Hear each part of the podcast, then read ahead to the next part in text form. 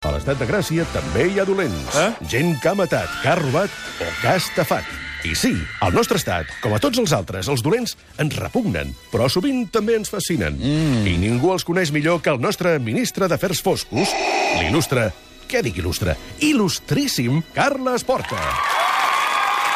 Passar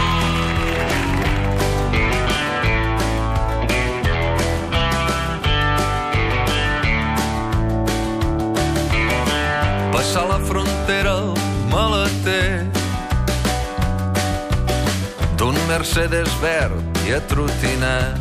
Arribem al capítol 10 del crim de la Guàrdia Urbana. Carles Porta, bona tarda. Hola, bones. Com estem? Escolta, encara ens vols parlar de dos morts més. Quan s'acabarà tot això? Avui. Eh, Avui tancarem el cas. Però, Però- el tancarem nosaltres, Això eh? perquè la instrucció continua oberta i encara falta una mica perquè hi hagi judici i ja heu vist que últimament han anat sortint cosetes que després en farem un recull. Doncs, si us sembla, a aquesta hora de la tarda fem un resum d'on som. Dos agents de la Guàrdia Urbana de Barcelona, la Rosa i l'Albert, són a la presó acusats d'haver matat un altre agent, el Pedro. No se sap com el van matar, però se sap que el van posar al maleter del seu cotxe i el van cremar, cotxe i cadàver, a prop del pantà de Foix. Un cop detinguts, la Rosa què va fer? Doncs va acusar l'Albert. I l'Albert què va fer? Doncs va acusar la Rosa. I no se'n treu l'aigua clara. Mentrestant, si bé en un principi semblava que a la víctima l'havien escanyat, els forenses han trobat un objecte metàl·lic entre les cendres del cos i avui sabrem si és una bala. Oi, Carles Porta? Així és, president. El crim es va produir el dia 1 de maig del 2017 i sis mesos després, al novembre, el Laboratori de Balística dels Mossos d'Esquadra va determinar que aquell objecte metàl·lic era una bala. I, a més a més, una bala de 9 mil·límetres de calibre, que és el mateix que utilitzen les pistoles oficials de la Guàrdia Urbana. Aquesta troballa fa pensar als investigadors que al Pedro el van matar d'un tret, i sembla que fins i tot les taques de sang trobades a la casa on vivien la víctima, la Rosa, Sí. podrien coincidir amb els esquitxos que podria produir un tret. Però això encara està per demostrar. D'acord. El que sí està clar és que entre les cendres del cos calcinat hi havia una bala i és molt més fàcil matar un home amb un tret que no pas escanyant-lo o a cops de destral, com s'havia especulat en algun moment de la investigació. Però qui va disparar aquella bala? Estem en un escenari on hi ha tres agents de la Guàrdia Urbana involucrats. Per tant, tres persones que poden tenir pistola. La víctima i els dos acusats. La jutge de Vilanova i la Geltrú ordena, doncs, que s'examinin les pistoles de la Rosa, de l'Albert i del Pedro per si es pot saber si aquella bala ha sigut disparada per alguna d'aquelles tres pistoles. Cada pistola deixa una marca particular al disparar una bala. Es podrà determinar, en aquest cas, quina de les tres pistoles va disparar la bala que hi havia al cos de la víctima? I què? què? Ho sabrem d'aquí una estona. Ai, Mentrestant, tal i com van fer amb el Pedro i la Rosa, repassarem el currículum de l'Albert i tornarem a escoltar la Rosa Peral, perquè apareixeran dos morts més en aquesta història. Però que ningú corri a treure conclusions. Ja saps que jo sóc de treure conclusions ràpides, eh? No, no, tu mateix, tu mateix. D'acord, vinga, va. L'Albert López va entrar a la policia local de Barcelona el 2009 sí. i en menys de 6 anys va rebre 23 felicitacions, que és una mena de condecoració simbòlica o de reconeixement per una feina suposo que molt ben feta, perquè la feina ben feta l'ha de fer tothom. Però vaja, 23 felicitacions de unido. També va tenir el seu costat fosc i el 2013 va rebre una condemna, lleu, per haver agredit un manter. El vídeo d'una veïna gravat amb el telèfon mòbil va ser determinant per demostrar la duresa amb què tres policies, entre ells l'Albert, s'acarnissaven a cops de porra contra el manter. Si hagués sigut un català que volia votar, el condemnat hauria sigut el manter, és evident, per haver incitat a la violència als urbanos, però era un manter. I no volia votar, només sobreviure, i van condemnar l'Albert. Més coses de l'Albert López. La Rosa i l'Albert van patrullar junts uns quants anys i es van enamorar. Ahà. O almenys, ell es va enamorar molt d'ella. I segons va explicar ella en les seves declaracions davant dels investigadors, l'Albert no podia suportar que ningú la toqués. La Rosa va arribar a insinuar que el seu company de binomi policial havia matat un indigent que la va apunyalar un dia que patrullaven per la zona de Montjuïc. L'Albert, però, va explicar això. Rosa fue a pedirle la documentación y este señor la apuñaló en, el- en la pierna. El compañero y yo sacamos las armas para encararlo. Veía que se tiraba por nosotros, él retrocedió y nos dijo, ahí os quedáis, y saltó por un barranco y se tiró para atrás como lo puso. I heu sentit que, a més a més de la Rosa i l'Albert, hi havia un altre policia que va participar en els fets. L'atestat oficial que van redactar l'Albert i l'altre company va reflectir la versió que l'indigent va saltar.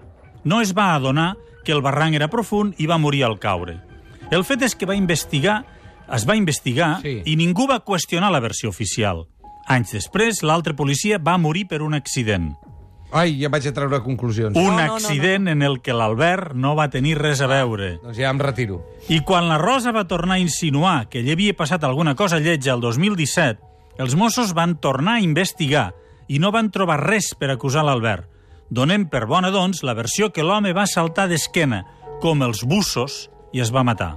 Però la Rosa no en va tenir prou i va relatar un altre incident entre l'Albert i un altre indigent. És a dir, que la Rosa anava per totes per a desacreditar l'Albert, A no? pinyo fixe. A pinyo fixe. I no m'ha acabat. Aquesta vegada, la Rosa no hi era, però va dir que l'Albert li havia explicat que es va barallar amb un indigent que tenia gossos en una fàbrica abandonada. I escoltem què va dir la Rosa davant del jutge. Y pregunté que qué es lo que había pasado y me dijo que es que él lo había matado y lo quemó al vagabundo junto con los perros. No, home, no. Que quedi clar que no hi ha cap prova d'això. És que ha sonat una mica allò de com t'ha anat el dia. No, res, mira, he tingut un encontronazo i l'he matat. No, home. I fixa't que fa èmfasi en i lo quemó. En el cas que estem, venim d'un cadàver cremat. D'acord. Això no vol dir que no passés. Això no s'ha demostrat mai res contra l'Albert. Ho posem perquè vegueu la quantitat d'acusacions que va fer la Rosa contra l'Albert, començant i acabant perquè, segons ella, va ser l'Albert qui va matar el Pedro. Ahà. I recordeu que vam dir fa dies que aquesta història era un relat en tres dimensions. La versió de l'Albert, que acusa la Rosa, la versió de la Rosa, que acusa l'Albert, i els fets contrastats, que és cosa dels investigadors. Podríem saber ara... Podríem saber ara ja, sisplau, si t'ho anava a dir, eh? T'ho di- Quina pistola va disparar la bala que va matar el Pedro, sisplau? Encara no. Oh! És que, Veus per què m'incites? De veritat? és que la, la vida policial eh, va amb un altre ritme que la vida televisiva o radiofònica. El tros de metall és molt petit, està molt afectat pel foc i costa molt desbrinar si allò correspon amb una pistola. Paciència. Recordem, recordem que del cadàver del Pedro al principi vam treure una peça metàl·lica que era una peça que li havien posat amb ella a la columna, Un no? cargol Un que cargol. formava part d'una pròtesi de columna vertebral. Així vam saber que era el Pedro. Que era el Pedro, exacte. I després van dir no trobaran res més i van trobar la bala. Ah, això aquest mateix. trosset de bala. Ah, això mateix. Però costa. Costa, costa, costa, eh? arribarem.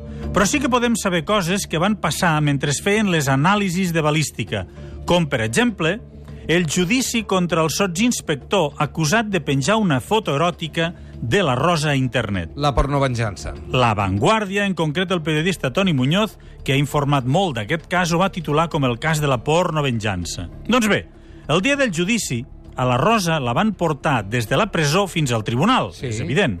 L'advocat defensor de l'home va basar la defensa en que ella no havia tingut cap trauma pel fet que aquella foto s'hagués fet pública i va negar que l'home en fos responsable, tot i que es va arribar a dir que la Rosa tenia una gravació d'una conversa telefònica on el sotsinspector reconeixia que havia difós la foto perquè estava encabronat amb ella. Però si tenia la gravació, què? Ja està? Sí, però... O no valia com a prova? Co- Corres molt. Espera't un moment. Espera't un moment. Són massa, massa sèries de Una de les coses més curioses del judici és que a la foto s'hi veia la rosa i un penis. Ningú mai va demanar que el penis de la foto es comparés amb el del sotsinspector i el dia del judici, l'acusat, mirant la foto, va dir «No me reconozco en este pene».